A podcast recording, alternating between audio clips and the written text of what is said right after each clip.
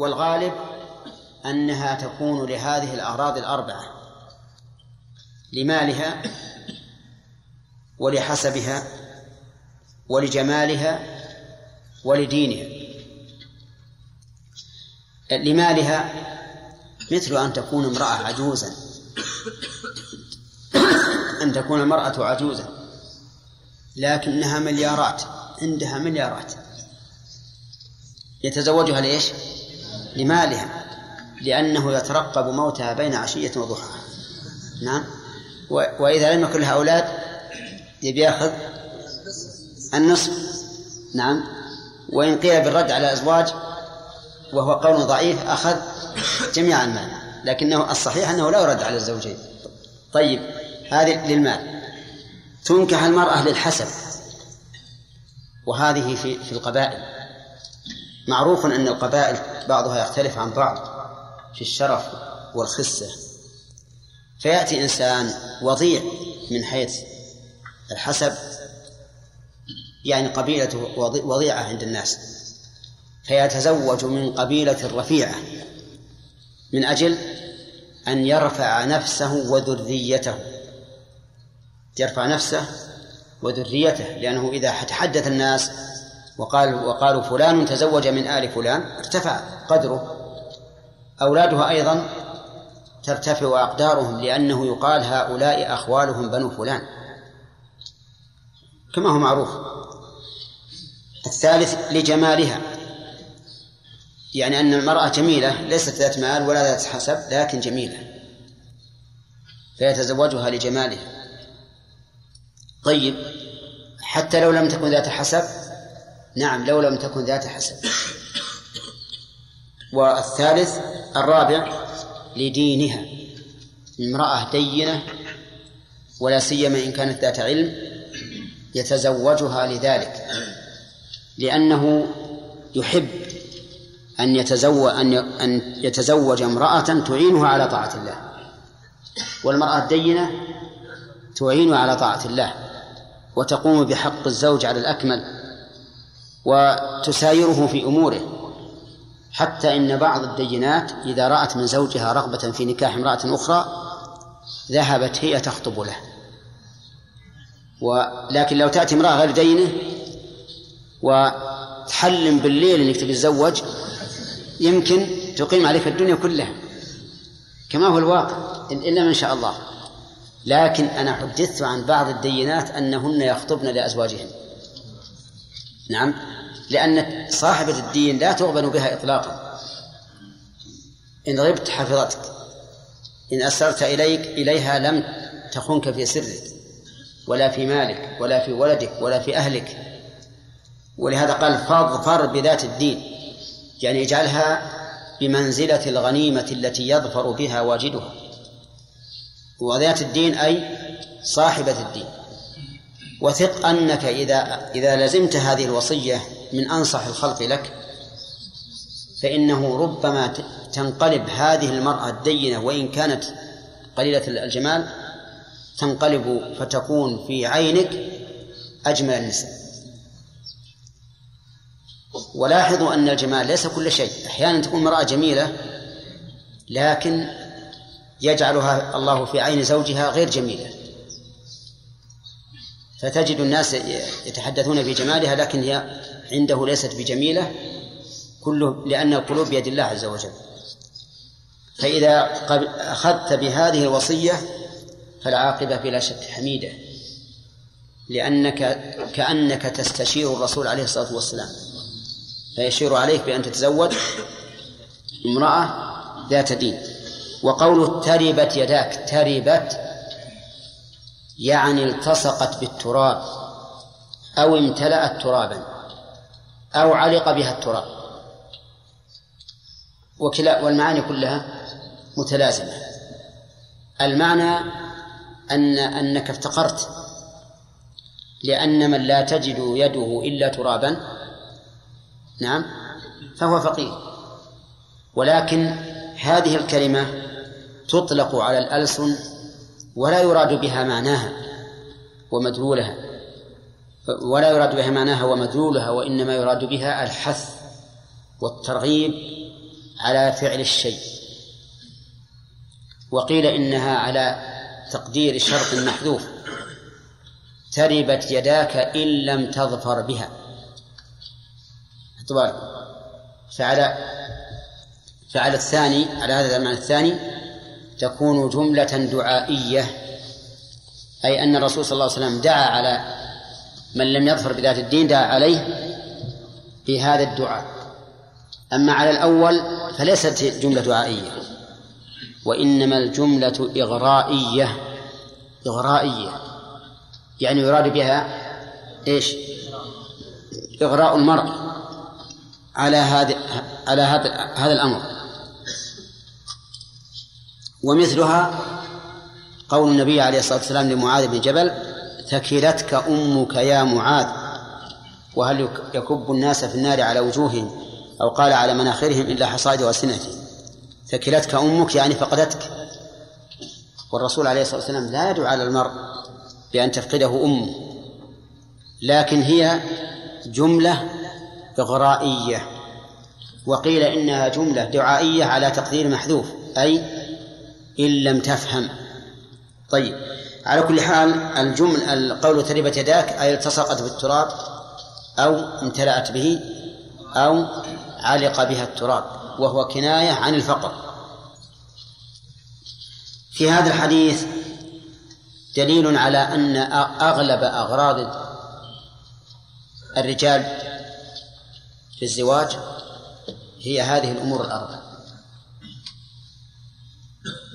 المال الحسب الجمال الدين. ومن فوائده أنه لا حرج على المرء إذا تزوج المرأة لمالها لأن النبي صلى الله عليه وسلم أقر هذا الغرض ولم ينكره لكن رغب في في ذات الدين. وكذلك أيضا من فوائده أنه لا بأس أن يتزوج الإنسان المرأة للحسب. لحسبها ليرتفع بها حسب وليرتفع بها حسب أولاده أيضا. ومن فوائد هذا الحديث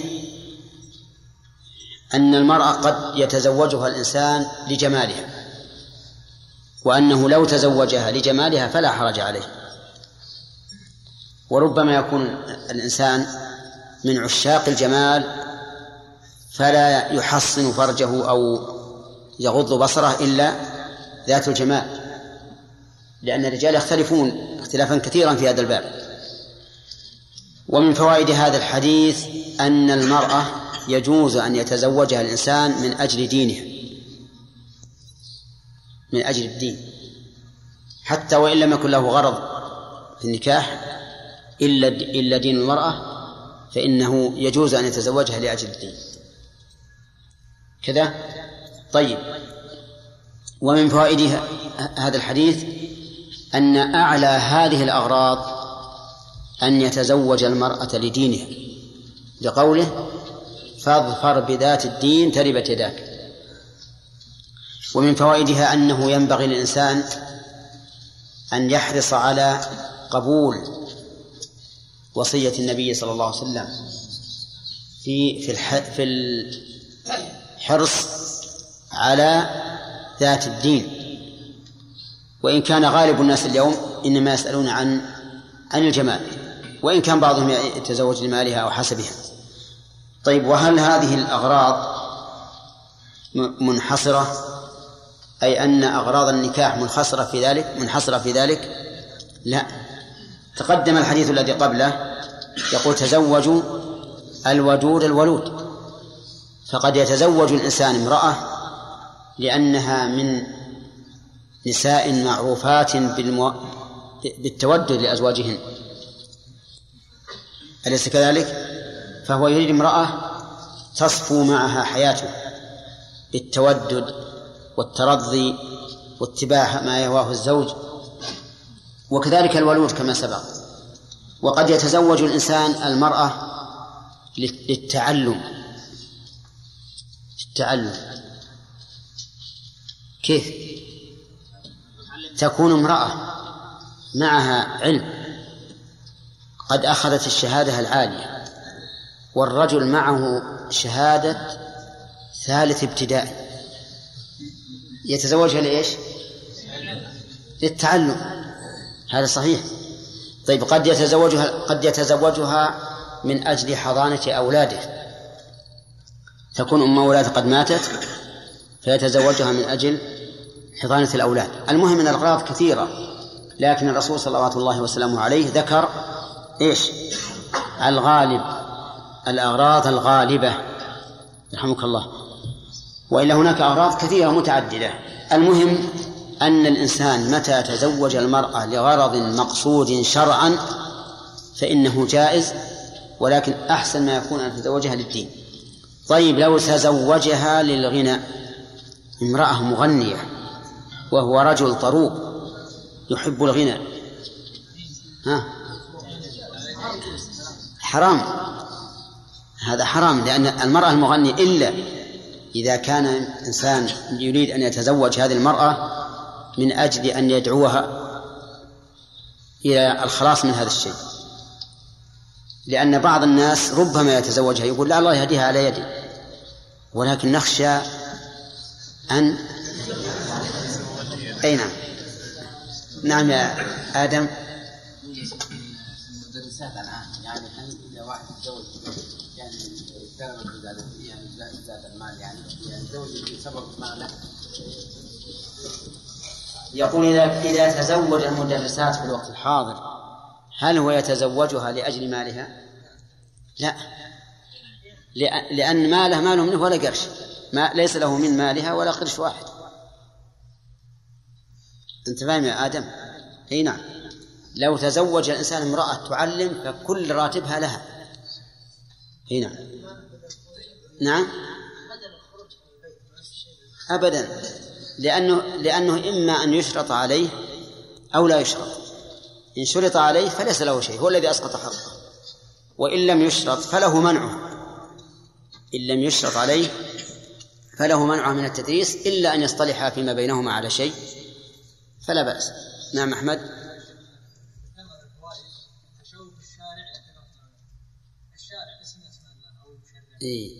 الشارع وصف يطلق على الرسول عليه الصلاة والسلام ويطلق على الله عز وجل. فالله تعالى مشرع ابتداء والرسول مشرع تبليغا. هنا لا لا لا هذا خبر بعض الاسماء ما وردت جاز نعم. حتى عبد عبد المنعم بعض الناس لأن الإنعام على على سبيل الإطلاق لا يكون إلا على الله إلا لله عز وجل. وكلمة عبد الشارع بالنسبة لمفهومنا الآن أصبح الشارع يطلق حتى على الطريق. وأكثر ما وأكثر ما يتبادر عند العامة أن الشارع هو الطريق. فما دام يحمل معنى محذورا عند غالب الناس يمنع منه. نعم. النسب بأمر من الحاكم فإنه لا يطاع. لا يطاع لأن تحديد النسل ليس بيد الإنسان. ولو فرض الضريبة. حتى لو فرض الإنسان قال بحدد عيالي كل يكون عندي ستة حتى يبلغوا. فإذا بلغوا بدأنا بالإنتاج. نعم. ما ما هذا بيد. هذا ليس بيدي ربما هؤلاء الستة يموتون. في سنة واحدة نعم. قوله صلى الله عليه وسلم في المرأة لأربع نعم. قلنا أن هذه كلها جائزة نعم. وكيف يتفق مع توجيه ذات في الدعاء؟ نعم. على من لم يقل أي نعم. نعم. هذا لا يتوجه؟ على إذا قلنا بأنه دعاء. إلا إذا قلنا بوجوب آه، تزوج المرأة الدينة. لكن إيه على هذا القول إلا أن يحمل المراد بالدين دين الإسلام يعني ما هو التدين. فهذا له وجه.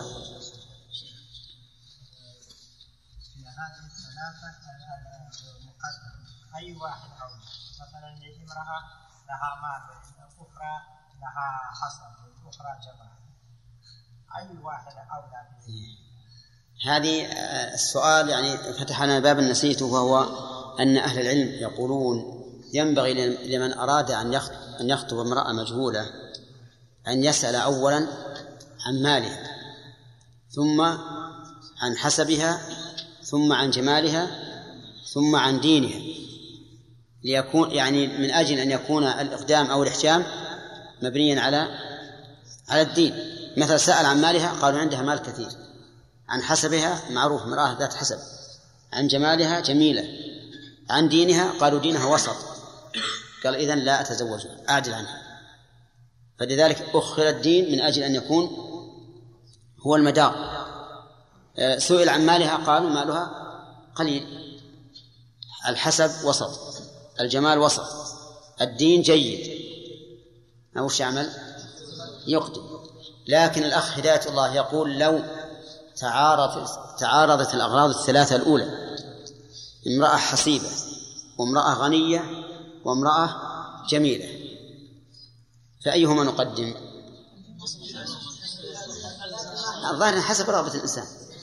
حسب الرغبة. إي نعم.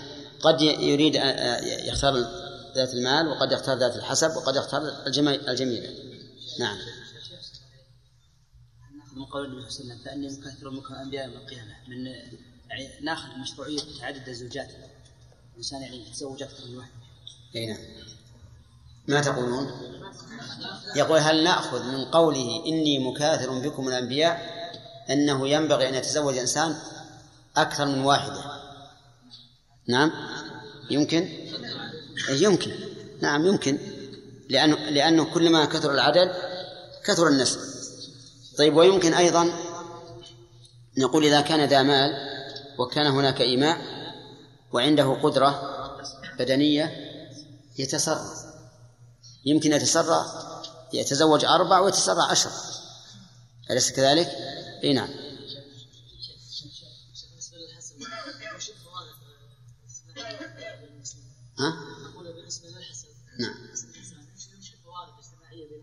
نعم.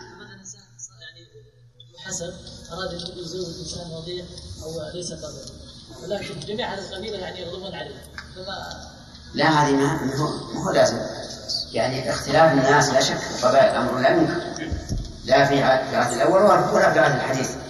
أمر لا ينكر. الإنسان ان القبيلة مشهورة بالكرم والشجاعة وحسن الخلق. معروف. لا لا بد منه. ولكن كون نجعل هذا سببا للمفارقة أو للتفرق هذا لا يجوز. ولهذا لو تزوج الإنسان امرأة ليست ذات حسب وهو حسيب فلا حرج. وكذلك بالعكس لا حرج. نعم؟ لا لا. له يقول إن إذا اعتبرنا الحسب صار فيه طبقات. نعم؟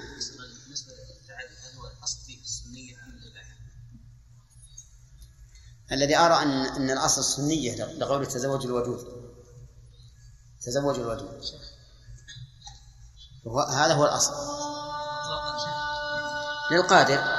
إن محمد خاتم النبيين وعلى آله وأصحابه ومن تبعهم بإحسان إلى يوم الدين. آه، ما هو التبتل الذي نهى عنه الرسول صلى الله عليه وسلم؟ نعم. الانقطاع عن الزواج. نعم. طيب. هل التبتل حرام أو مكروه؟ التبتل إذا كان قلنا قسمناها قسمها العلماء إلى ثلاثة أقسام. ما يكون الزواج واجبا وما يكون مكروها وما يكون مستحبا. فإذا كان واجبا فإنه قد يحرم. يحرم التبتل. يعني في الحالة التي يجب فيها هذه واحد. الشيء الثاني يحرم. إذا اتخذه عبادة كما فعل أحد النفر الثلاثة الذين قال الذي قال أنا لا أتزوج النساء.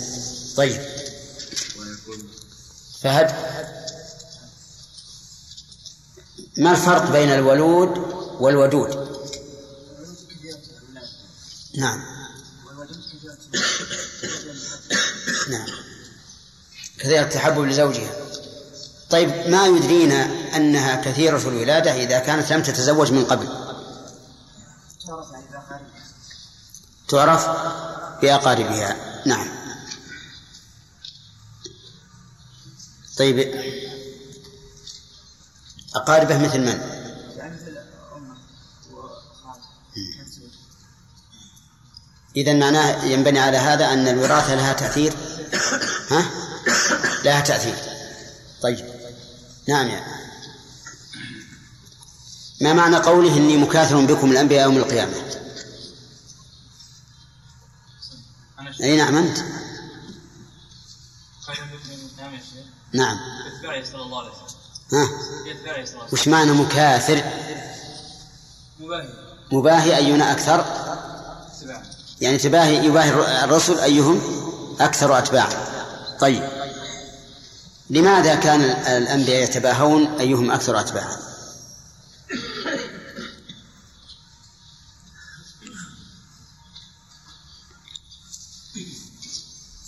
لكثرة الأجر. لكثرة الأجر لأنه كلما كان الإنسان كلما كان النبي أكثر أتباعا كان أجره أكثر. نعم. طيب يوم القيامة يتكرر بهذا اللفظ يوم القيامة. فلماذا سمي بهذا الاسم؟ أشرف. نعم. أقول يوم القيامة يكثر ذكره في القرآن وغير القرآن. فلماذا سمي بهذا الاسم يوم القيامة؟ ليش سمي يوم القيامة؟ لماذا سمي يوم القيامة؟ ها؟ إيه لكن سبق يعني مرارا وتكرارا. طيب. لأن الناس يقومون فيه لله رب العالمين. الدليل طيب. نعم. عبد الملك؟ فيه الأشهاد نعم. الدليل؟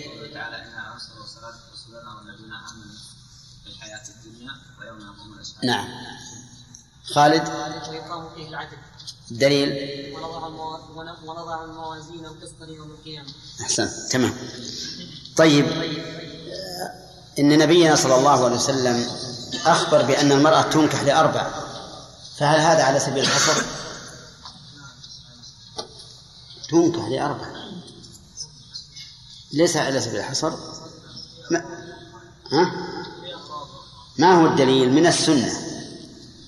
على أن هناك أغراضا أخرى تنكح المرأة من أجلها.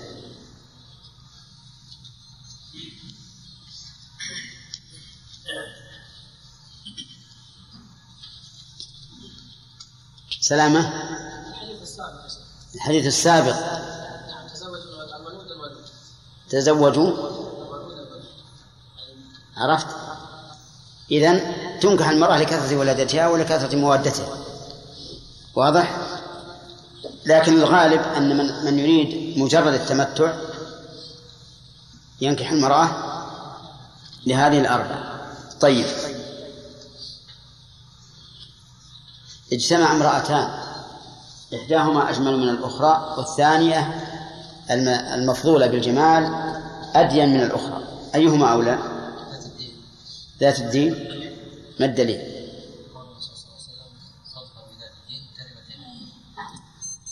لكن الرسول صلى الله عليه وسلم دعا على من ظفر بها قال تربت يداك يعني معناه لا تقربها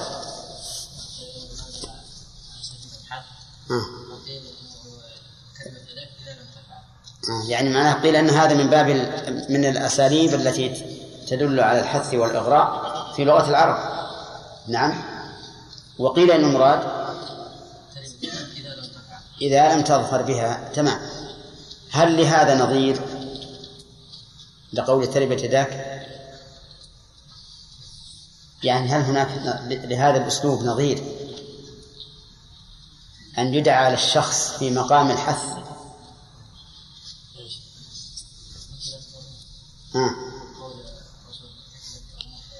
أحسنت. تمام. طيب.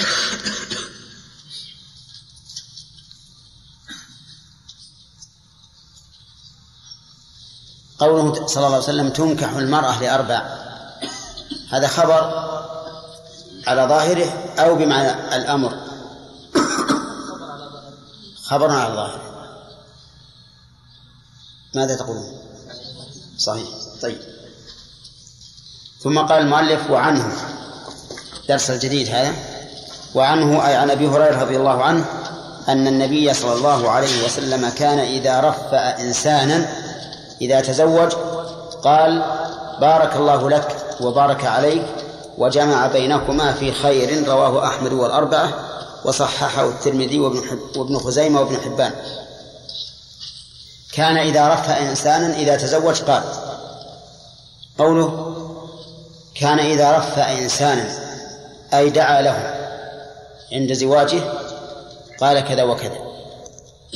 وأصله من رفع الثوب إذا وصل بعضه ببعض يعني إذا خاطه ووصل بعضه ببعض. وكانوا في الجاهلية إذا رفع بعضهم بعضا قال بالرفاء والبنين بالرفاء يعني بالصلة.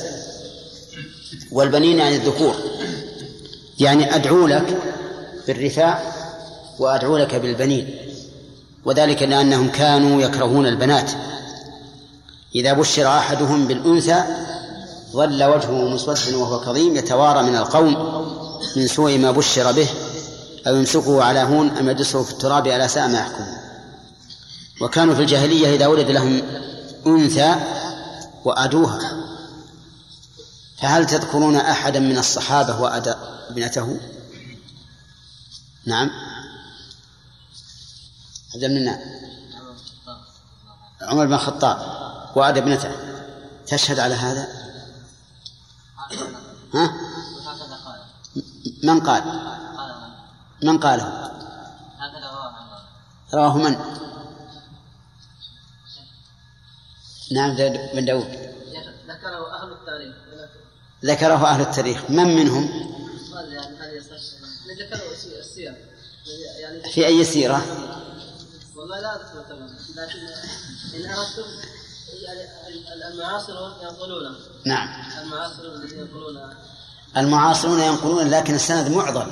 غاية الإعضال بينه وبين عمر آلاف الواسطات. نعم.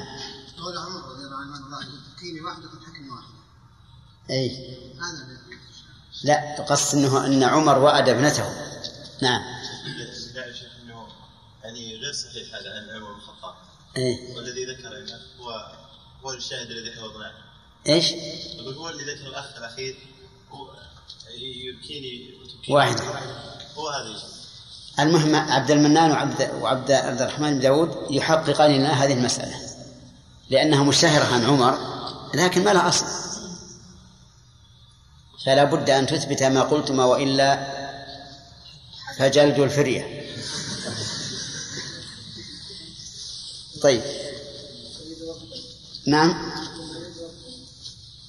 لا بأس. لكم حتى إن شاء الله نرجع من الرياض.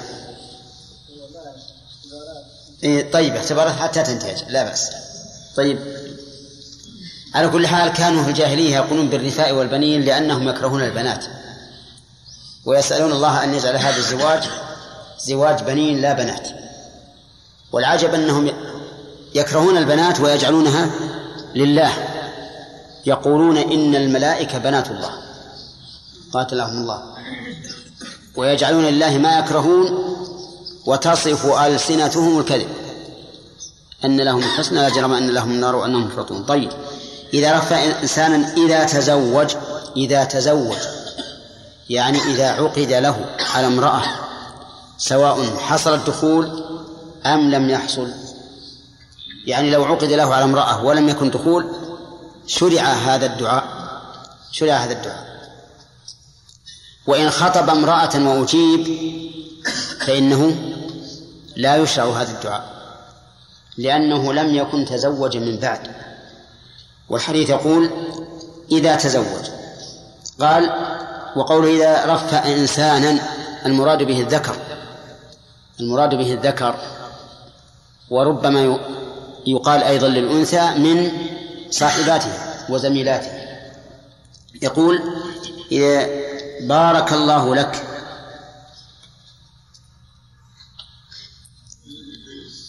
بارك الله لك أي في أهلك.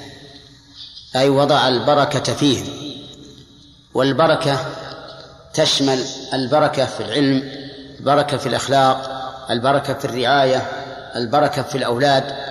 كل ما يمكن أن يكون فيه بركة فإنه داخل في هذا. إذن يبارك الله لك فيها في أهلك بالأولاد بكثرة الأولاد. يبارك في أهلك بالخلق والرعاية الحسنة. يبارك في أهلك بالاستمتاع وغير ذلك. المهم أنه يبارك لك في أهلك في كل ما تتأتى فيه البركة. والبركة قال العلماء هي الخير الكثير الثابت. الخير الكثير الثابت لأنه مأخوذ من البركة أي بركة الماء. وبركة الماء كما نعلم كثيرة وثابتة. كثيرة الماء ليست كالماء الذي في الإناء وثابتة أيضا لأنها لا تجري. طيب وقوله بارك عليك أي أنزل عليك البركة لأهلك. أي لأهلك. فإذا يكون الرسول صلى الله عليه وسلم دعا للرجل في أهله ولأهله فيه. بارك عليه وهل يمكن أن يقال إن البركة هنا عامة بالنسبة لأهله وبالنسبة له أيضا؟ يعني بارك الله لك في كل شيء وبارك عليك في كل شيء. يمكن أو لا؟ قد يقال إنها عامة وقد يقال إنها خاصة والذي يخصصها هي قرينة الحال. هي قرينة الحال لأن الدعاء له مناسبة فينزل على هذه المناسبة. ولهذا نجد أن الذين يباركون للمتزوج لا يخطر ببالهم أن يبارك له في ماله مثلا وإنما يقصدون أن يبارك له في أهله. فإذا يمكن أن نقول إن العموم هنا لا يراد لا يراد وإن كان اللفظ صالحا له لأن قرينة الحال تقتضي إيش؟ تخصيصه. وجمع وجمع بينكما في خير. جمع بينكما أي بينك وبين أهلك في خير ديني ودنيوي. فيشمل كل ما يمكن من الخير. فهذه ثلاث جمل. بارك الله لك وبارك عليك وجمع بينكما في خير عبد الرحمن. كم جملة؟ ثلاث. تأمل. ثلاث. بارك الله لك وبارك عليك وجمع بينكما في خير. ترفئة الجاهلية كم؟ اثنتان. قاصرتان لفظا وقاصرتان معنى. ومن العجب أن بعض السفهاء منا إذا رفع أحدا قال بالرفاء والبنين. عودا على إيش؟ على الجاهلية. عودا على الجاهلية. ومثل هذا لا يجوز لأن استبدال اللفظ الإسلامي الذي وضعه النبي عليه الصلاة والسلام إلى لفظ جاهلي منسوخ يدل على رغبة الإنسان عن السنة وأنه راغب عن السنة. لكن الغالب على هؤلاء أنهم جهال الغالب عليهم أنهم جهال لا يعرفون ولا ما قاله الرسول عليه الصلاة والسلام ولا يدركون خطورة إرجاع الناس إلى الجاهلية. رجوع إرجاع الناس إلى الجاهلية خطر عظيم جدا. ولهذا يجب أن نحم أن نمحى كل ما يتعلق بأمور الجاهلية مما لا يقره الإسلام. كما قال النبي عليه الصلاة والسلام ليس منا من ضرب الخدود وشق الجوب ها ودعا بدعوى الجاهلية. نعم. إذن فيه بحث هذا الحديث. أولا بارك الله لك. هل هو خبر أو إنشاء؟ ها؟ خبر بمعنى الإنشاء. خبر بمعنى الإنشاء. لأن بارك فعل ماضي لكن لا يراد الخبر. يراد الطلب. أي أنك تسأل الله أن يبارك له وعليه. ثانيا هل يشرع هذا القول للرجل وللمرأة؟ قلنا أما أما بالنسبة للرجل فلا شك فيه وأما بالنسبة للمرأة فقد يقال إنه مشروع من صاحباتها من النساء. ومن فوائد هذا الحديث أنه يشرع قوله لمن تزوج. أما من خطب فلا يشرع له هذا القول. ومن فوائده أيضا أنه يقال لمن تزوج وإن لم يحصل الدخول. لأن الإنسان بمجرد العقد يصبح زوجا للمرأة والمرأة زوجة له. لو مات ورثها ورثته ولو ماتت ورثها فيدعى له بالبركة. ومن فوائد هذا الحديث أنه لا تشرع المصافحة عند الترفئة. الدليل. الدليل عدم الدليل. لأن الرسول صلى الله عليه وسلم لم يكن يفعله. ولو كان يفعله لنقل مع القول. لأنه يبعد أن الصحابة يغفلون سنة جمعت إلى سنة أخرى. يعني يبعد أن الرسول كان يصافح ويقول هذا الذكر ثم ينقل هذا الذكر ولا تنقل المصافحة. ولأن المصافحة لا وجه لها في هذه الحال إذ أن المصافحة إنما تكون عند الملاقاة عند الملاقاة والسلام. طيب ويتفرع عن هذه الفائدة أن التقبيل أيضا أبعد وأبعد خلافا لعرف الناس اليوم حيث إنه يصافح ويقبل وربما ضم ضمة يتنفس منها الصعداء. نعم. على كل حال هذا ليس بمشروع. لا, لا هذا ولا هذا لا المصافحة ولا التقبيل. طيب. ومن فوائد هذا الحديث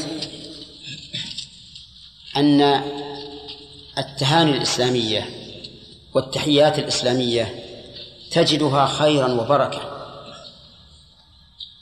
مثلا من التحيات التي ليست يعني إسلامية بحتة أن يقتصر الإنسان على قوله مرحبا. أهلا. هذه ما وش وش وش فيها؟ مرحبا. يعني حللت مكانا واسعا. حللت مكانا واسعا. أهلا حللت أو نزلت أهلا. إيش الفائدة؟ إكرام فقط. لكن السلام عليكم. تحية ودعاء. بالرفاء والبنين كذلك. إذا كانت تتضمن دعاء فهي دعاء في أمر دنيوي رفا وبنين. لكن بارك الله لكما وعليكما وجمع بينكما في الخير تشمل. فأنت إذا تأملت ما يحصل من السنن التي جاء بها الرسول عليه الصلاة والسلام في مثل هذه المناسبات وجدت أنها خير ودعاء وبركة وصلاح. من فوائد هذا الحديث أنه ينبغي اللجوء إلى الله عز وجل في كل الأمور عند الفرح وعند الحزن. فعند الزواج اسأل الله البركة للزوج وعليه وأن يجمع بينه وبين أهله في خير. ثم قال وعن عبد الله بن مسعود رضي الله عنه قال علمنا رسول الله صلى الله عليه وسلم التشهد في الحاجة. علمنا التشهد في الحاجة. قول علمنا هذا من دأب النبي صلى الله عليه وسلم أنه كان يعلم أصحابه تعليما ابتدائيا وتعليما سببيا. يعني أن تعليمه تارة يكون لسبب يسأل فيجيب وتارة يكون ابتدائيا بدون سبب. وقول التشهد في الحاجة التشهد إذا قرأت ما علمهم وجدت أن في إحدى جمله أشهد أن لا إله إلا الله. وأطلق عليه أي على كل هذا الذكر أطلق عليه التشهد لأنه أشرف ما فيه. أشهد أن لا إله إلا الله كلمة التوحيد الكلمة التي يدخل بها الإسلام يدخل بها الإنسان في الإسلام. كما قيل في التحيات لله والصلاة والطيبات وش قال؟ التشهد.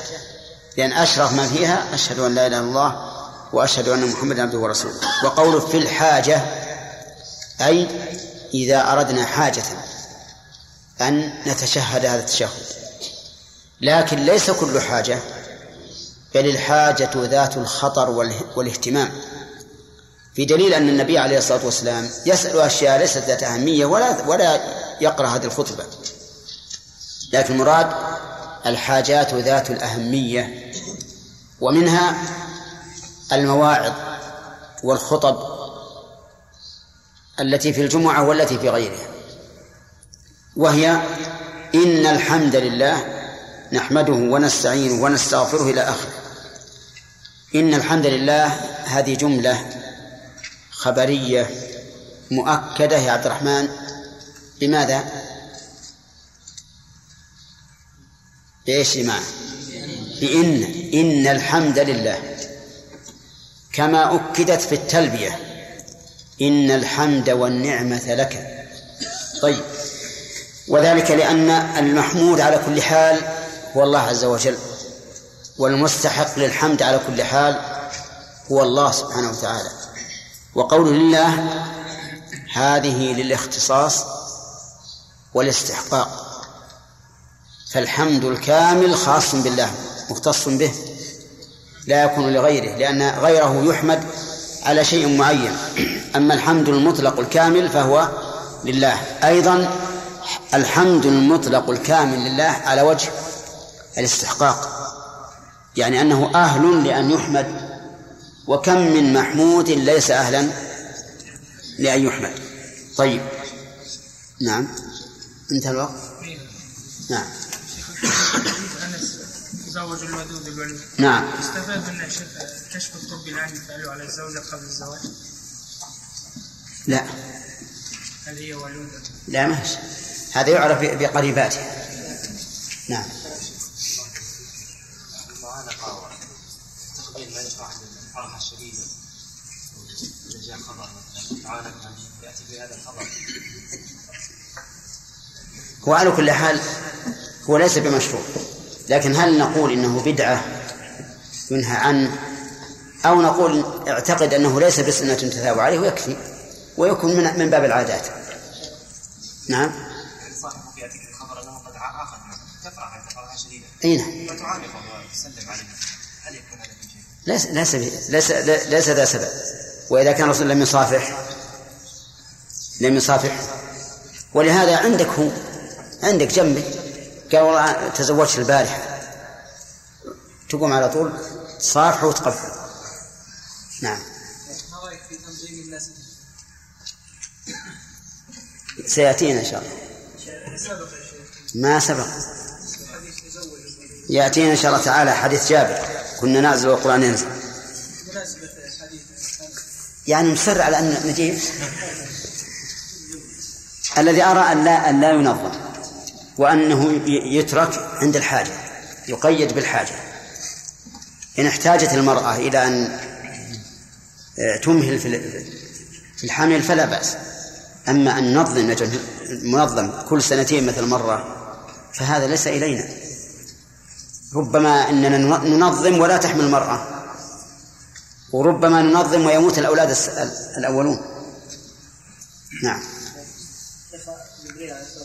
لما عالج هو النبي صلى الله عليه وسلم.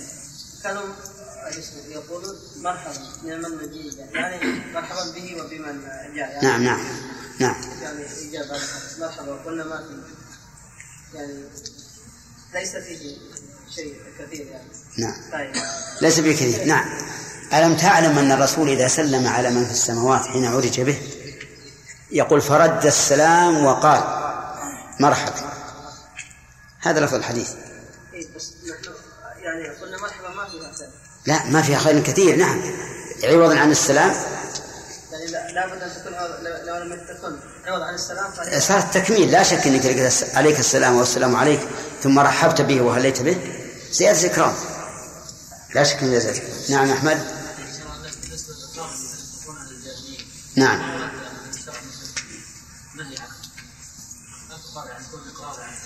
إذا كان الشرع قد وضع لها بديلا فلا تقال. إذا كان الشرع لم يرد لم لم يجعل لم يجعل لها بديلا ولا تحمل معنى فاسدا فلا بأس به نعم يا سلام.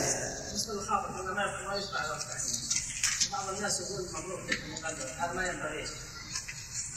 لا هذا ما هو الترفية التي كان الرسول يفعلها. إنما كان الرسول يفعل إذا تزوج. لكن كونك تبارك له لأنه مسكين طق ألف باب ولا, ولا, ولا أجيب. نعم.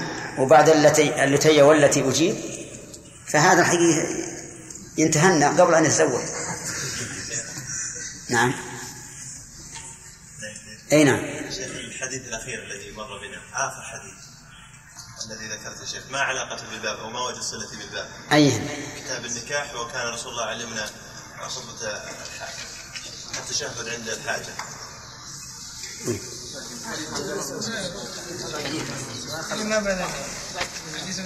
اللي باب اللي في باب الوديعة. ما ما ما مر علينا. ما شرحنا. على آله وأصحابه ومن تبعهم بإحسان إلى يوم الدين. آه، مر علينا أن الرسول صلى الله عليه وسلم كان يبارك للمتزوج. بماذا؟ خالد كان بأن يقول المتزوج بارك الله لك بارك عليك وجمع بينكما في خير نعم. الأخ ما الفرق بين قوله بارك لك وبارك عليك؟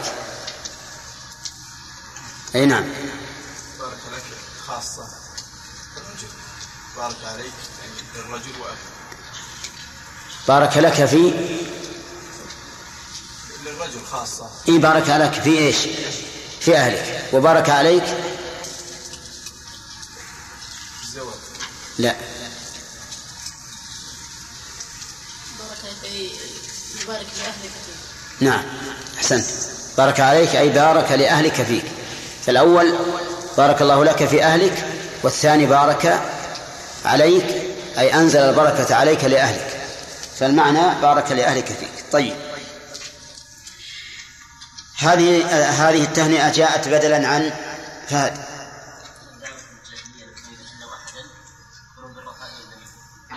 أما كانوا في الجاهلية يستعملونه يقولون بالرفاء والبنين. ما معنى قولهم بالرفاء؟ بالوصل. يعني أن تكون الصلة بينكما قوية. ال- الأولاد الذكور. تمام. طيب ما رأيك في من يستبدل يا عادل؟ في من يدع ما جاءت به السنة إلى هذا بالرفاء والبنين. هل هو مصيب أو غير مصيب؟ غير مصيب. نعم. طيب. على خطر متى يكون على خطر؟ إذا راغب عن السنة إلى ما كان عليه أهل الجاهلية. تمام. آه، سبق لنا أن بدأنا في أول حديث عبد الله بن مسعود رضي الله عنه. يقول إن الرسول عليه الصلاة والسلام علمهم التشهد في الحاجة. فلماذا أطلق على هذه الخطبة التشهد؟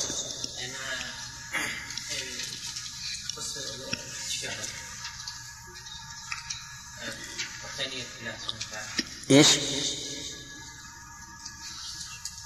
لأن أطلق عليها التشهد مع أن التشهد جملة من ضمن الجمل التي ورد فيها نعم. هذه الكلمة. لأن أعظم ما فيها التشهد. نعم أحسنت. طيب قوله في الحاجة. أي حاجة؟ الحاجة أي حاجة؟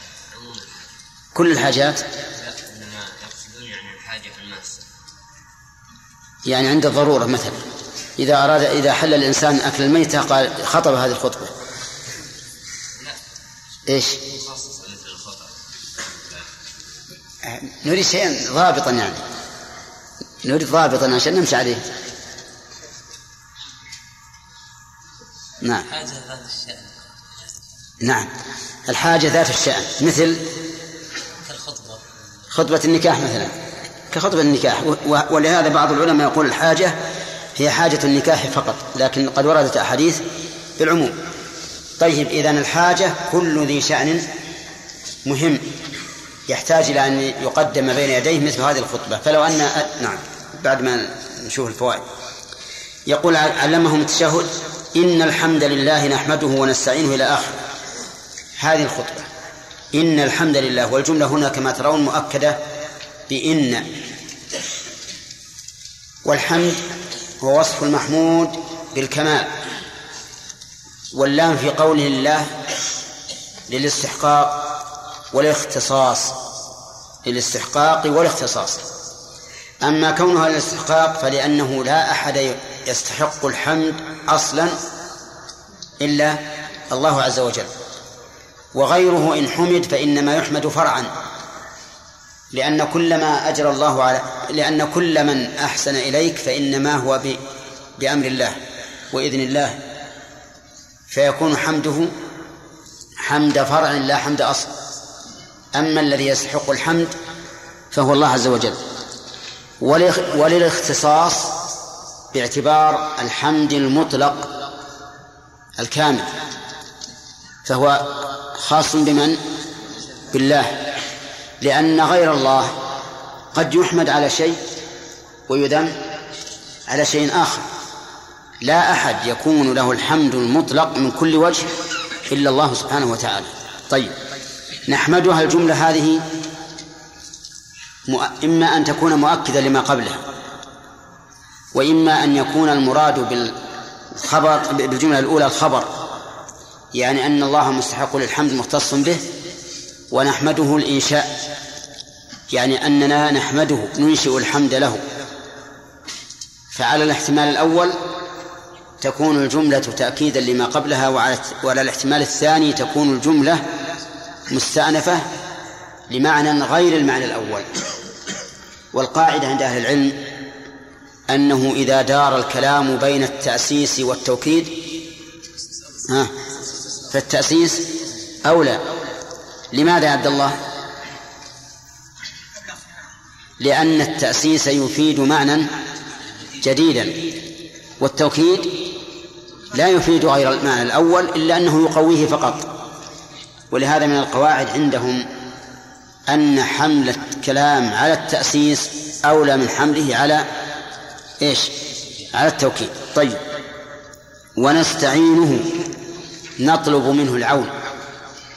على أي كل على أي شيء؟ على كل الأمور. لا سيما في الأمر الخاص الذي قدمت بين يديه هذه الخطبة.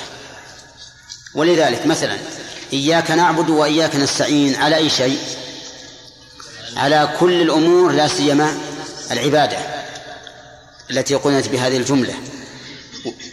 ونستغفره نطلب منه المغفرة. والمغفرة هي أن الله سبحانه وتعالى يسر ذنبك عن العباد في الدنيا والآخرة ويتجاوزه عنك فلا يؤاخذك به فلا تتم المغفرة إلا بهذين الأمرين ستر الذنب والثاني التجاوز عنه وذلك نظرا لأصل الاشتقاق لأن المغفرة مشتقة من المغفر وهو ما يستر به الرأس عند القتال وفي هذا المغفر ستر إيش؟ ووقاية. طيب. إذا نستغفره نطلب منه المغفرة. لأي ذنب؟ لكل الذنوب. لكل الذنوب. لأن الذنوب سبب للفشل وتعسير الأمور. ومن لزم الاستغفار جعل الله له من كل هم فرجا ومن كل ضيق مخرجا. حتى إن الذنوب سبب للحيلولة دون للحيلولة دون الوصول إلى الصواب في الحكم. قال الله تعالى إنا أنزلنا إليك الكتاب بالحق لتحكم بين الناس بما أراك الله ولا تكن للخائنين خصيما. واستغفر الله. إن الله كان غفورا رحيما. قال بعض العلماء في هذا إشارة إلى أن الذنوب تحول بين المرء وبين الصواب وأنه ينبغي للإنسان عند الفتوى أو الحكم بين الناس أن يقدم الاستغفار حتى يزول عنه آثار الذنوب. فهنا تسأل المغفرة لأن مغفرة الله لك سبب لتيسير أمورك فاستعانة واستغفار. وليس في الحديث نستهديه وليس فيه نتوب إليه. ولكن بعض الناس يقول نستهديه ويقول نتوب إليه.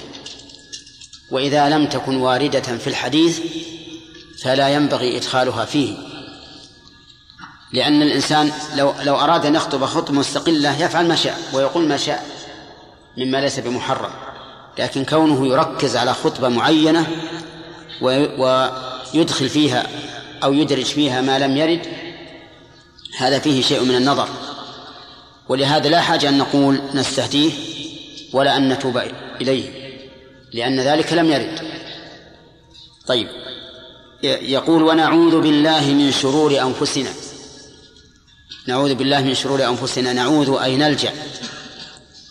إليه ونعتصم به من شرور أنفسنا. والأنفس لها شرور ولها خيرات. وذلك أن الله تعالى جعل في الإنسان نفسا مطمئنة ونفسا أمارة بالسوء ونفسا لوامة. ثلاث في القرآن وكلها في القرآن. لا أقسم بيوم القيامة ولا أقسم بالنفس اللوامة. يا أيتها النفس المطمئنة ارجعي إلى ربك.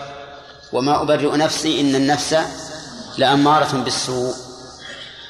هذه النفوس الثلاث هي في ابن آدم وهو يعرفها بآثارها. فالنفس المطمئنة تأمرك بالخير وتنهاك عن الشر. والنفس الأمارة بالسوء تأمرك بالسوء والشر. واللوامة قيل إن اللوامة وصف صالح للنفسين جميعا. وعلى هذا فلا تكون نفسا ثالثة. فيقولون مثلا اللوامة تلومك إذا فاتك الشر. واللوامة الأخرى تلومك إذا فاتك الخير. فالأولى تنزع إلى النفس الأمارة بالسوء والثانية تنزع إلى النفس المطمئنة وليست نفسا ثالثة وهذا ليس ببعيد. لكن النفس التي فيها الشر هي النفس اللو الأمارة بالسوء. شرور النفس تشمل البدايات والغايات. تشمل البدايات والغايات. أما البدايات فهي ما يرد على عليك من الأمر بالفحشاء وترك المأمورات. هذه بدايات. أما الغايات فهي ما يترتب على هذه الشرور التي أمرتك التي أمرتك بها نفسك. الأمارة بالسوء. قد تكون الغايات أشد وقعا من البدايات. وانظر إلى قوله تعالى فإن تولوا فاعلم أن ما يريد الله أن يصيبهم ببعض ذنوبهم. فجعل الله تعالى إعراض الإنسان عن قبول الحق نتيجة لإيش؟ لذنوب سبقت. وليست كل الذنوب أيضا ببعض الذنوب. وإن كثيرا من الناس لفاسقون حتى إن بعض السلف رحمهم الله إذا نام عن عن قيام الليل قال ما حرمت قيام الليل إلا بمعصية ثم يجدد لنفسه توبة. لأنهم يعلمون أن الإنسان لن يترك الطاعات أو يكون في المعاصي إلا نتيجة لمعاصي, لمعاصي سابقة. فإن الإنسان إذا تقرب إلى الله زاده الله قربا وعصمه من الذنوب. إذا شرور النفوس تنقسم إلى إيش؟ بدايات وغايات. فالبدايات هي الذنوب التي يفعلها الإنسان والغايات هي عقوبات هذه الذنوب. وكلها لا شك شرور سببها النفس. طيب و من يهده الله فلا مضل له. من يهده الله. يعني من يقدر هدايته. ومن يهده بالفعل أيضا. فلا مضل له. فإذا أراد الله هداية شخص فإن الناس لا يستطيعون أن يضلوه أبدا. مثال ذلك رجل منحرف. ما من معصية تذكر إلا ذهب إليها وباشرها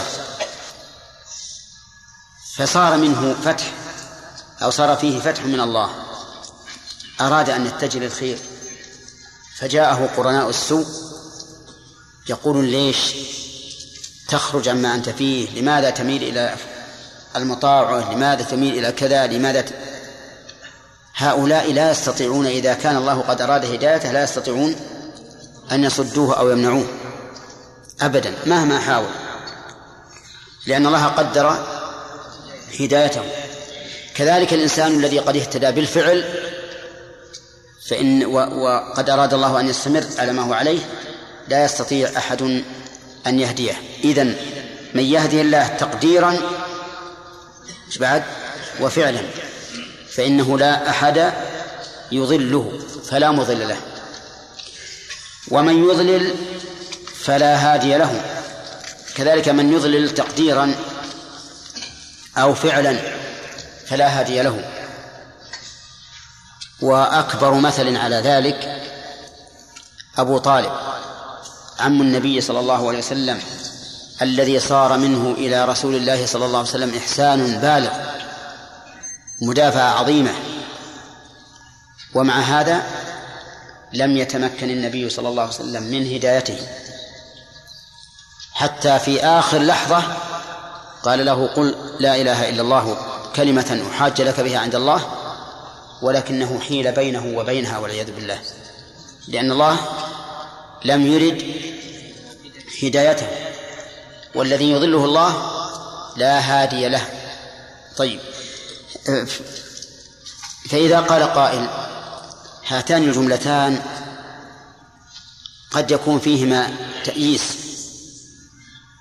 من دعوة الضالين إلى الهداية. لأن الإنسان قد يقول إن الله قد أراد إضلال هؤلاء فكيف أحاول أن أهديهم؟ قلنا هذا الظن أي أن يظن الإنسان أن هذا مدلول الجملتين خطأ. بل المعنى أنك إذا أردت الهداية فلا فلا تطلبها إلا من من الله. وأنك إذا فعلت ما أمرت به من الدعوة إلى الخير ولكن المدعو لم ينتفع فحينئذ تفوض الأمر إلى من؟ إلى الله. وتقول لو أراد الله هدايته لاهتدى فمن يضل الله فلا هادي له وكذلك من يهدي الله فلا مضل له. أن تعت... المقصود أن تعتصم بالله سبحانه وتعالى حتى لا يضلك أحد. قال وأشهد أن لا إله إلا الله وحده نعم. وأشهد أن لا إله إلا الله وأشهد أن محمدا عبده ورسوله. أشهد أن لا إله إلا الله. الشهادة في الأصل من المدركات الحسية من المدركات الحسية التي تدرك بالحس يشاهدها الإنسان. ولكن تطلق أحيانا على المعلوم يقينا حتى كأنه مشاهد وإلا في الأصل أنها من إيش؟ من المدركات الحسية. تقول شهدت الهلال شهدت الشمس شهدت فلانا وهو يقول كذا ويفعل كذا وكذا لكن تطلق أحيانا على ما كان معلوما يقينا كأنه مشاهد بالحس. فأشهد أن لا إله إلا الله يعني أقر وأعترف اعترافا يقينيا كالمشاهد بالعين أنه لا إله إلا الله. ولا ولا هنا نافية. نافية للجنس والنافية للجنس نص في العموم. نص في العموم لا تحتمل الإثبات. في المنفي. فإذا قلنا لا إله إلا الله لم تحتمل إثبات إله سوى الله. وقوله إله بمعنى مألوه فهي فعال بمعنى مفعول.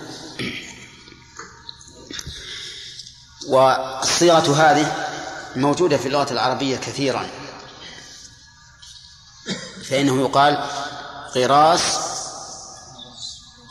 بمعنى مغروس. وفراش بمعنى مفروش وبناء بمعنى مبني. إذا فعال بمعنى مفعول كثيرة في اللغة العربية. فمعنى إله أي أي لا مألوه. وما معنى المألوه؟ معناه الذي تألهه القلوب محبة وتعظيما. تألهه يعني تتقبله وتركن إليه. وتخضع له محبة وتعظيما إلا الله. طيب آه هذا هو هذا معنى لا إله إلا الله. فإن قال إنسان هذه الشهادة يكذبها الحس لأنه توجد آلهة تعبد من دون الله اللات والعزى ومنات وهبل وغيره فيه ناس يعبدون البقر. يعبدون البقر ويتبركون بأبوالها نعم وأرواثها ويحرمون قتلها أو ذبحها. أليس كذلك؟ فيه فيه ناس يعبدون الشمس يعبدون القمر. كيف نقول لا, لا إله إلا الله؟ أي لا مألوه ومعبود إلا الله. يقول بين الله عز وجل أن هذه الآلهة باطلة أسماء بلا مسميات. ما تعبدون من دونه إيش؟ إلا أسماء سميتموها فقط وليست مسميات. فاللات ليست إلها وإن سميتموها إلها لأنها لا ترزق ولا تخلق ولا تنفع ولا تضر كيف تكون إلها؟ يقول إبراهيم لأبيه يا أبت لم تعبد؟ ما لا يسمع ولا يبصر ولا يغني عنك شيئا. فإذا يصدق هذا النفي أنه لا إله إلا الله. فإذا أورد إنسان علينا هذا الإراد قلنا هذه الآلهة باطلة. ذلك بأن الله هو الحق وأن ما دون من دونه الباطل وما هي إلا أسماء دون مسميات. فالألوهية منتفية عنها. طيب. إذا قال قائل قد علمنا في القواعد النحوية أن لن نافية للجنس لا تعمل إلا في النكرات. إله نكرة أو معرفة؟ ها؟ إله نكرة. سمعت قائلا يقول إنها معرفة. أنت؟ ورجعت. ها؟ إله معرفة ولا نكرة؟ معرفة. من أي أنواع المعارف؟ وين أل؟ إله ما فيها أل. لو فيها أل لصارت الإله.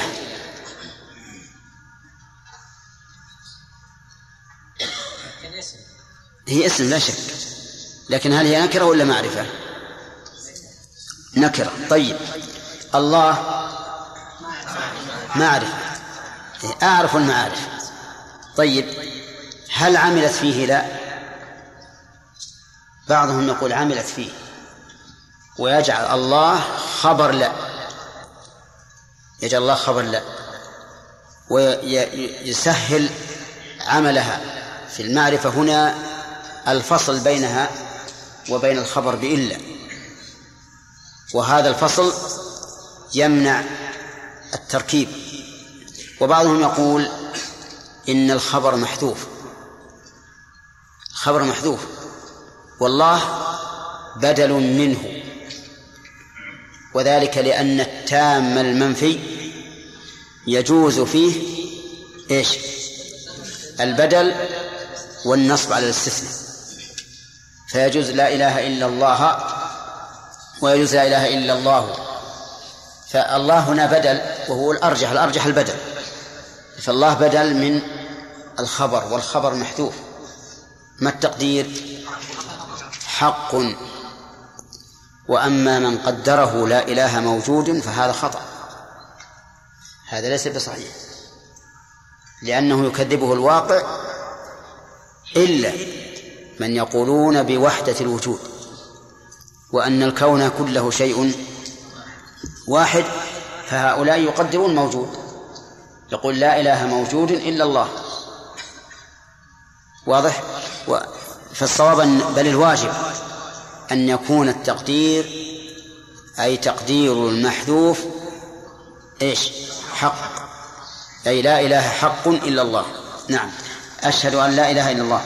وأشهد أن محمدا عبده ورسوله. أشهد أن محمدا. أي محمد؟ محمد بن عبد الله بن عبد المطلب القرشي الهاشمي. عبده ورسوله عبد الله ورسول الله. فبوصف العبودية انتفى عنه حق الربوبية لأنه ليس له حق من الربوبية إطلاقا. حتى إنه أنكر على شخص قال ما شاء الله وشئت. قال أجعلتني لله ندا. قاله النبي عليه الصلاة والسلام. مع أن الإنسان مشيئة. مشيئة تمنع و... وتدفع. ومع ذلك قال أجعلتني لله ندا. فهو عبد بل هو عليه الصلاة والسلام أشد الناس تحقيقا للعبودية. قال عليه الصلاة والسلام وهو الصادق إني لا أعلمكم بالله وأتقاكم له. فهو عبد الله. وبهذا الوصف انتفع عنه إيش؟ حق الربوبية. طيب. ورسوله يعني مرسله إلى الخلق. إلى الجن الجن والإنس عليه الصلاة والسلام. وبهذا الوصف انتفى عنه الكذب. فهو عبد رسول عبد لا يعبد ورسول لا يكذب صلى الله عليه وسلم. ويقرأ ثلاث آيات. يعني يقرأ في هذه الخطبة ثلاث آيات. فإذا انتهى إلى قوله عبده ورسوله قرأ الآيات. وهي قوله تعالى يا أيها الذين آمنوا اتقوا الله حق تقاته ولا تموتن إلا وأنتم مسلمون. في آل عمران يا أيها الناس اتقوا ربكم الذي خلقكم من نفس واحدة وخلق منها زوجها وبث منهما رجالا كثيرا ونساء واتقوا الله الذي تساءلون به والأرحام إن الله كان عليكم رقيبا. هذه في سورة النساء. يا أيها الذين آمنوا اتقوا الله وقولوا قولا سديدا يصلح لكم أعمالكم ويغفر لكم ذنوبكم. ومن يطع الله ورسوله فقد فاز فوزا عظيما. وهذه في سورة الأحزاب. يقرأ هذه الآيات الثلاث ثم يتكلم عن الموضوع الذي خطب من أجله. في هذه الخطبة يقول أشهد أن لا إله إلا الله وفيما قبلها من الجمل إن الحمد لله نحمده ونستعين. قال نحمده وفي الشهادة قال أشهد ولم يقل نشهد.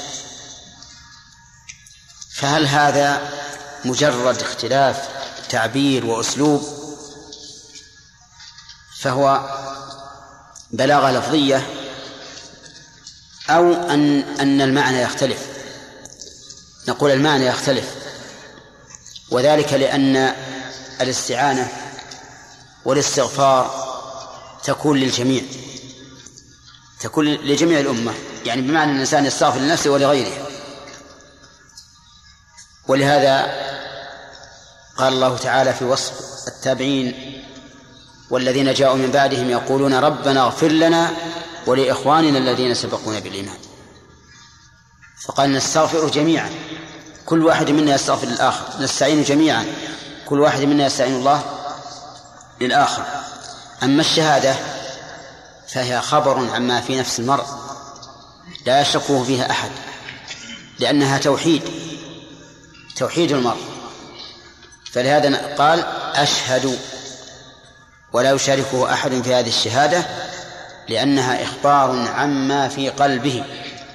أما الأول فهي طلب السعين يطلب العون السافر يطلب المغفرة والإنسان يطلب المعونة لمن؟ لنفسه ولإخوانه ويطلب المغفرة لنفسه ولإخوانه.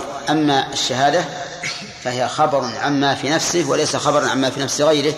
ولهذا قال أشهد أن لا إله إلا الله إلى آخره. في هذا الحديث فوائد. عديدة منها حرص النبي عليه الصلاة والسلام على إبلاغ الرسالة وهداية الأمة. من أين؟ أشرف. أي نعم. من أين تؤخذ من الحديث؟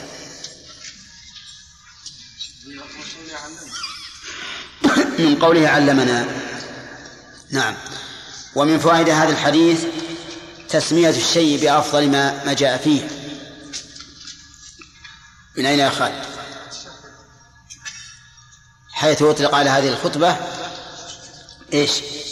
التشهد ومن فوائد هذا الحديث استحباب تقديم هذه الخطبة بين يدي الأمور الهامة لقول التشهد في الحاجة وقد ذهب بعض العلماء إلى وجوب الخط... هذه الخطبة عند عقد النكاح. وقالوا يجب عند عقد النكاح أن تقرأ هذه الخطبة لأن النبي صلى الله عليه وسلم علمهم إياها وهذا يدل على اهتمامه بها. ولكن الصحيح خلاف ذلك وأن تلاوة هذه الخطبة سنة وليست وليست بواجب ليست بواجب.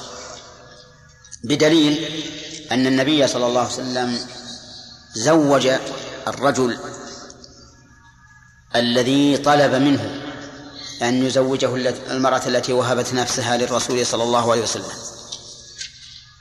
ولم يقرأ هذه الخطبة بل قال زوجتكها بما معك من القرآن.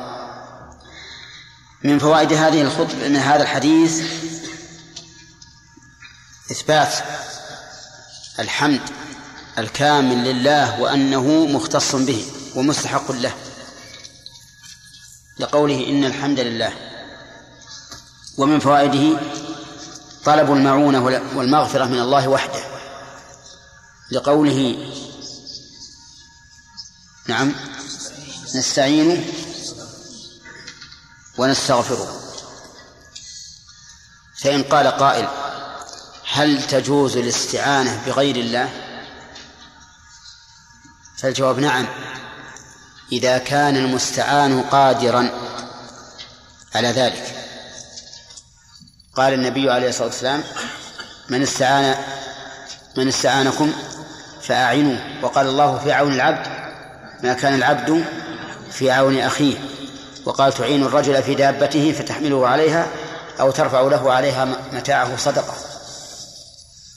طيب فإن استعان بم فإن استعان بميت ليش؟ لا يجوز ليش؟ لأنه غير قادر لأنه غير قادر فإن فإن اعتقد أن له تأثيرا سريا كان ذلك شركا أكبر طيب الاستغفار هل يطلب من غير الله؟ هل يصح أن تقول الله يا فلان اغفر لي ها؟ يصح يصح أن تطلب منه المغفرة عن حقه الخاص قال الله تعالى وإن. وإن تعفوا وتصفحوا وتغفروا فإن الله غفور رحيم أما أن تطلب المغفرة عن حق الله فهذا لا لا يمكن قال الله تعالى ومن يغفر الذنوب إلا الله فصار طلب المغفرة من الإنسان. إن كان في عن حقه فهذا جائز. وإن كان عن حق الله فهذا لا يجوز لأنه لا يغفر الذنوب إلا الله. طيب من فوائد هذا الحديث الاستعاذة أن الاستعاذة تكون بالله. نعوذ بالله من شرور أنفسنا. نعوذ بالله من شرور أنفسنا. طيب هل الاستعاذة تكون بغير الله؟ نعم.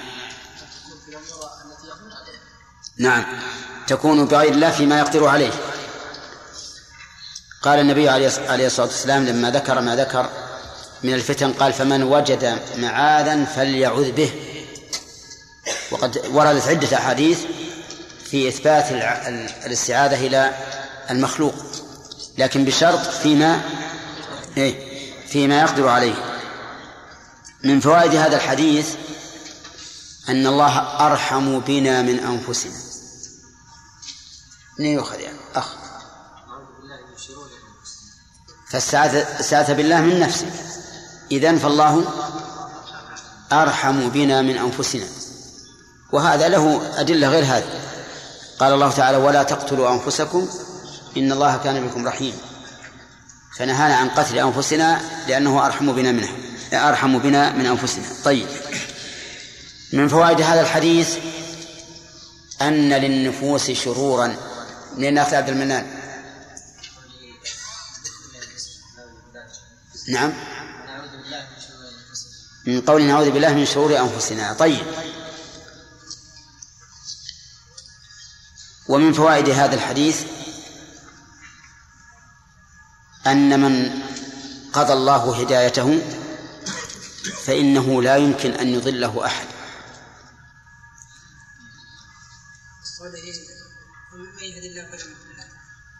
من قوله من يهده الله فلا مضل له. طيب. ذكرنا على هذا إشكالا. اي نعم.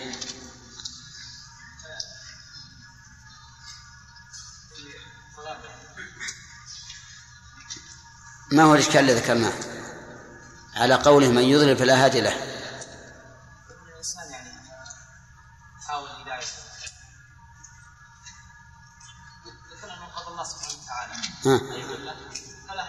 صحيح. لكن نحن ذكرنا على هذا إشكالا وأجبنا عنه.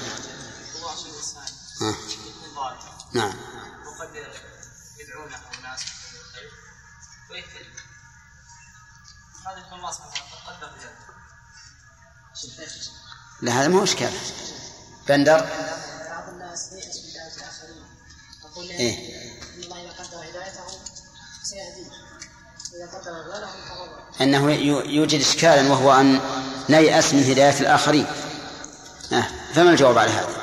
تطلب الهداية من الله عز وجل.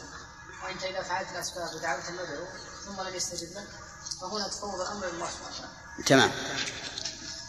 طيب. من فوائد هذا الحديث أنه أن فيه إشارة إلى أن الإنسان يلجأ إلى الله في طلب الهداية لا إلى غيره.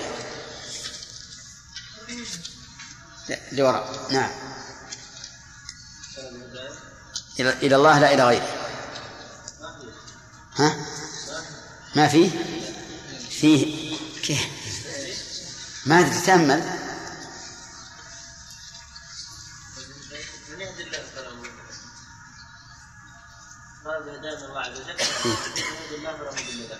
فلا مضل له. طيب.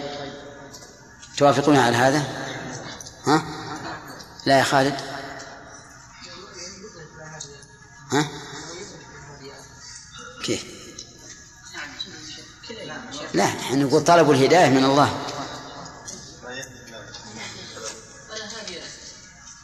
إي طيب. هل هل تؤخذ من الجملة الأولى ولا من الثانية؟ من يهدي الله فلا مضل له، إذن أطلب الهداية من الله. كذا وربما تؤخذ من الثانية أيضا. ومن يضلل فلا هادي له، أخشى أن أن يضلني الله فأطلب منه الهداية. طيب. نعم.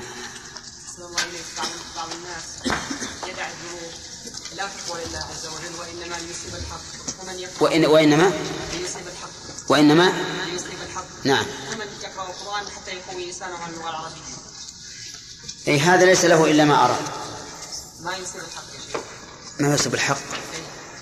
أقول إذا فعل هذا إي. إذا ترك الذنوب حتى يصيب الحق لا تقوى لله نعم. فهل يوفق لإصابة الحق؟ أي نعم يعني معناها أنه يستغفر لأجل يصيب الحق يستغفر ليصيب الحق طيب هذا مراد شرعي المشكل من من اتقى الله من أجل أن يرزقه الله وأما من وأما من استغفر من أجل أن- يتبين له الحق هذا طيب مقصود شرعي. لكن من صار يعمل بالصالحات من أجل الرزق الدنيا والمادي فقط. فهل نقول إن هذا ليس له أجر في الآخرة؟ لأن لقول لقول الله تعالى من كان يريد الحياة الدنيا وزينتها نوفي إليهم أعمالهم فيها وهم فيها لا يبخسون. أولئك الذين ليس لهم في الآخرة إلا النار. ولقول النبي عليه الصلاة والسلام إنما الأعمال بالنيات. وكذلك من يقرأ الأوراد من أجل أن تحميه وتحفظه. كأن يقرأ آية الكرسي مثلا لأجل أن لا يقربه الشيطان. ولا ولا يزال عليه من الله حافظ. هل يؤجر على تلاوتها؟ أو لا يؤجر؟ نعم. هذا محل تأمل. هذا محل تأمل. لأنه فعل الخير لكن همته أو نيته يعني ما هي كاملة. ما هي تامة. هذه محل تأمل. وعلى آله وأصحابه ومن تبعهم بإحسان إلى يوم الدين. مر بنا نعم. مر بنا أن الهداية بيد الله. وأنه لا يستطيع أحد أن يهدي من أراد الله إضلاله. في ما المراد بالجملتين هل هو التأييس أو التفويض إلى الله؟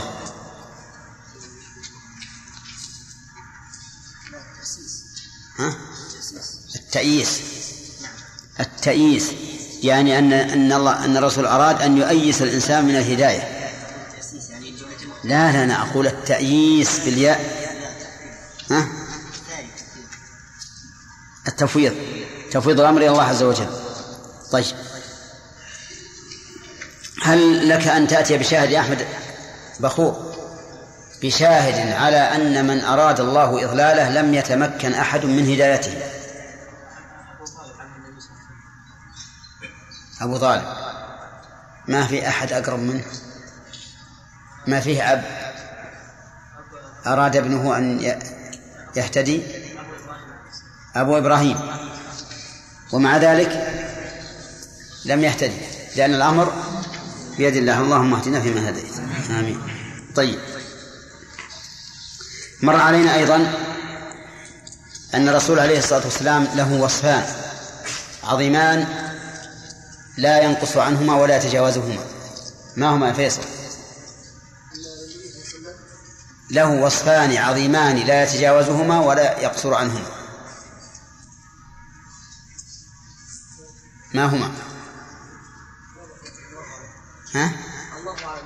الله أعلم صدقت نعم العبودية والرسالة من أين تؤخذ؟ في قوله عبده رد على من؟ ردا على من على من يقولون ان ان النبي صلى الله عليه وسلم آه، اذا يعني الغلاة فيه. الغلاة فيه. ورسوله؟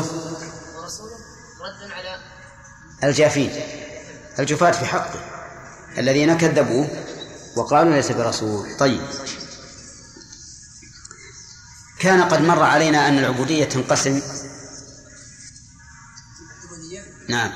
تنقسم إلى قسمين نعم.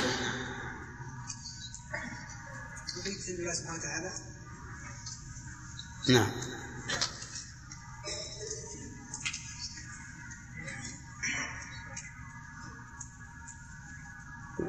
طيب. ماشي. عبودية الشيطان. عبودية الشيطان وعبودية للدرهم والدينار والخميصة والخميلة. عبودية عامة وعبودية خاصة نعم من مراد نحن نريد العبودية لله. عبودية عامة. نعم مثال العامة. كل شيء لا مثاله مثال من القرآن. وما من شيء لا يسبح بحمده. نعم. هذا اللفظ عين بعد